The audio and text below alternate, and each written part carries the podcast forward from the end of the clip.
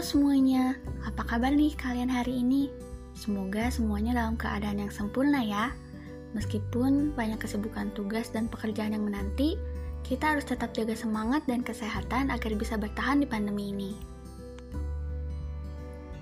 Berbicara tentang kesibukan dan banyak tugas, aku mau nanya nih, pernah nggak sih kalian, khususnya mahasiswa, merasa setelah masuk dunia perkuliahan, segalanya menjadi semakin kompleks? Nggak seperti apa yang kita rasakan saat di bangku sekolah. Aku jadi ingat, dulu waktu SMA rasanya pengen cepet-cepet kuliah, karena mikirnya sih lebih santai dengan jam perkuliahan yang lebih sebentar. Tapi ternyata rasanya beda dari ekspektasiku.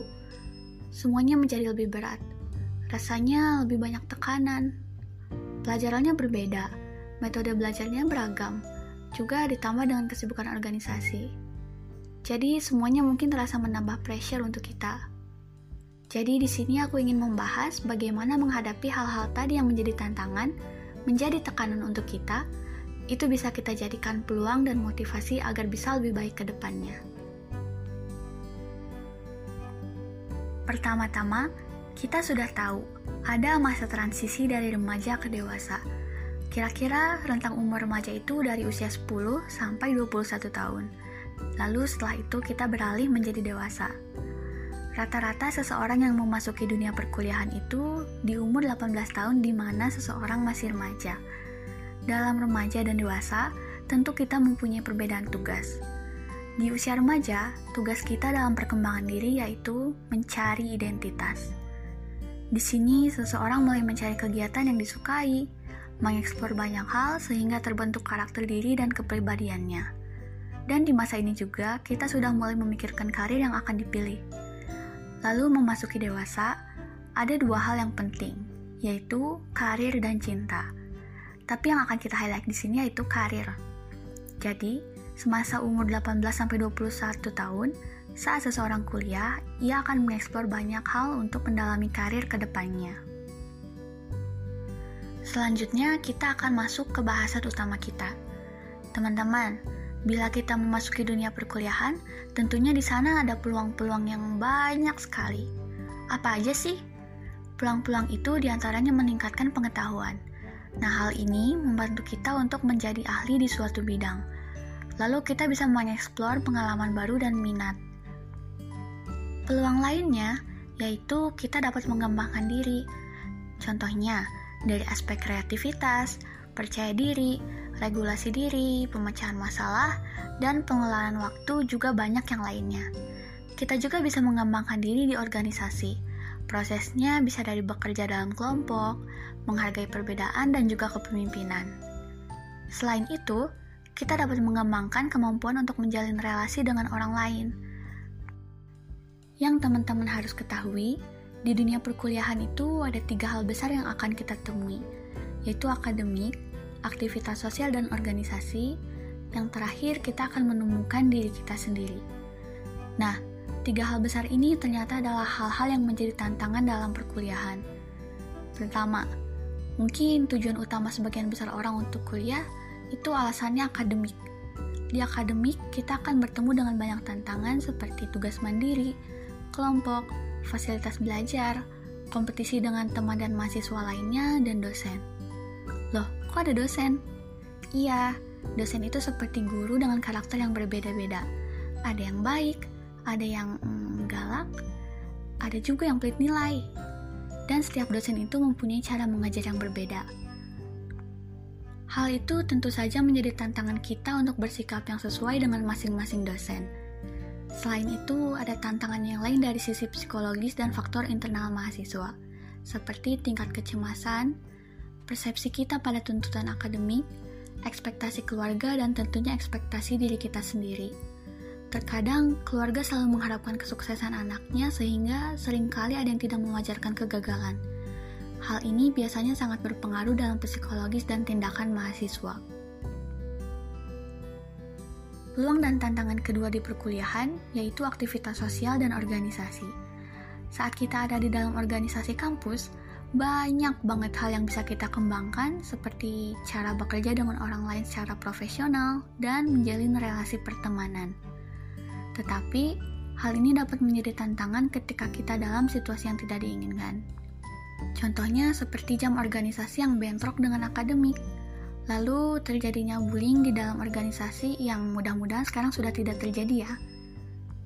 Juga dengan ekspektasi orang-orang dalam organisasi yang menuntut diri kita yang terbaik, kadang itu juga dapat menambah pressure untuk diri kita.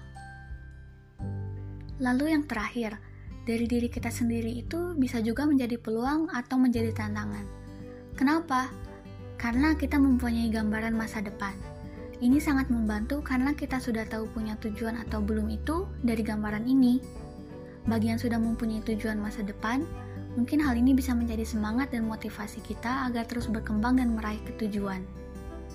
Nah, untuk teman-teman yang mungkin banyak berpartisipasi dalam organisasi, berteman dengan banyak orang dan aktif di akademik, Mungkin tantangannya kita harus banyak belajar tentang time management, sehingga semuanya dapat terbagi rata. Keadaan finansial seseorang juga bisa menjadi peluang atau tantangan untuk suatu individu. Mungkin ada yang keluarganya memfasilitasi dengan baik kebutuhan, sehingga semuanya menjadi mudah. Tetapi ada juga loh yang kekurangan sehingga tidak bisa banyak mengeksplor hal-hal yang baru. Teman-teman semuanya, Bila semua yang disebutkan tadi bentrok atau mungkin menumpuk, hal itu bisa menimbulkan stres akademik. Apa sih stres itu? Lazarus dan Volkmann tahun 1984 berpendapat bahwa stres adalah hubungan tertentu antara seseorang dan lingkungannya yang dinilai sebagai sesuatu yang memberatkan atau melebihi batas sumber daya yang dimiliki. Jadi dengan beban yang begitu banyak, bisa memberatkan kita sampai-sampai bisa membahayakan fisik atau psikologi seseorang. Kak, gimana cara kita tahu kalau kita stres? Apa sih tandanya? Teman-teman, reaksi terhadap stres ada dua macam, yaitu reaksi psikologis dan reaksi fisiologis. Contoh dari reaksi fisiologis yaitu detak jantung meningkat, nafas lebih cepat, otot menjadi tegang, meningkatnya tekanan darah dan sistem metabolisme dan gula darah menurun. Lalu reaksi psikologisnya, tandanya terlihat dengan kita yang mudah cemas, mudah marah, apatis, sulit fokus, sulit berpikir logis, dan pikiran tidak terorganisir, sehingga seseorang merasa ingin menarik diri dari perkuliahan. Tentunya kita semua tidak ingin merasakan hal-hal yang tadi kan? Lalu bagaimana sih cara untuk mengurangi stres akademik tersebut? Cara pertama dengan emotion focus coping, yaitu dengan cara melakukan olahraga fisik, memperkuat sosial support dengan teman, keluarga, dan kalau punya pacar juga boleh. Kita juga bisa mengekspresikan emosi kita dengan cara menulis, melukis, journaling, dan lain-lain. Menghilangkan stres juga bisa dengan cara me time loh, kita ini butuh waktu sendiri untuk melakukan apa yang kita senangi atau melakukan hal-hal yang produktif. Di emotion focus coping ini ada cara lain juga. Dalam menghadapi situasi yang menempatkan kita dalam tekanan akademik, kita bisa mengubah pandangan terhadap beberapa situasi yang tidak mengenakan tersebut. Contohnya, ada seseorang yang takut berbicara di depan kelas. Ia berpikir, wah kayaknya teman-teman bakalan ngasih pandangan yang buruk nih padaku kita akan coba mengubah pandangan yang sebelumnya menjadi berbicara di depan kelas adalah kesempatan untuk mengembangkan diriku. Kita harus berpikiran bahwa semua akan lebih mudah jika kita mengubah diri kita dibandingkan dengan mengubah lingkungan kita. Selain dengan cara emotion focus coping, ada juga problem focus coping. Bila tadi kita berpikir untuk mengubah diri kita sendiri dibandingkan mengubah lingkungannya, di problem focus coping ini, contoh kasus yang tadi, seseorang yang merasa tidak bisa berbicara di depan kelas, ia akan berusaha mengubah dirinya dengan cara mengeksplor tutorial di YouTube, memperhatikan orang yang sedang berbicara di depan umum, lalu berlatih sendiri. Dalam problem focus coping juga, contohnya kita belajar manajemen waktu. Dalam memanage waktu, kita harus tahu apa saja yang menjadi fokus atau goals kita tentukan prioritas, lalu kerjakan itu dari awal. Kita bisa membuat jadwal dari setiap kegiatan seperti tugas akademik, organisasi, dan kegiatan diri sendiri. Yang ketiga adalah kita harus membuat target yang realistis. Target tersebut bisa berupa target akademik dan organisasi. Selesai deh. Gimana nih mahasiswa? Apakah sedikit tercerahkan? Dalam perkuliahan tentunya kita harus tetap bertahan walaupun beratnya keadaan itu. Keadaan dalam akademik, organisasi, maupun dan hubungan pribadi dengan orang lain. Dengan informasi yang aku berikan tadi, semoga kalian akan tahu bagaimana cara untuk menghadapinya dan menjadikan tekanan-tekanan tersebut menjadi motivasi dan dorongan yang kuat untuk kalian berkembang. Mungkin saatnya aku mengakhiri podcast hari ini. Jangan lupa menjaga kondisi kalian dan tetap semangat ya, teman-teman. Dadah!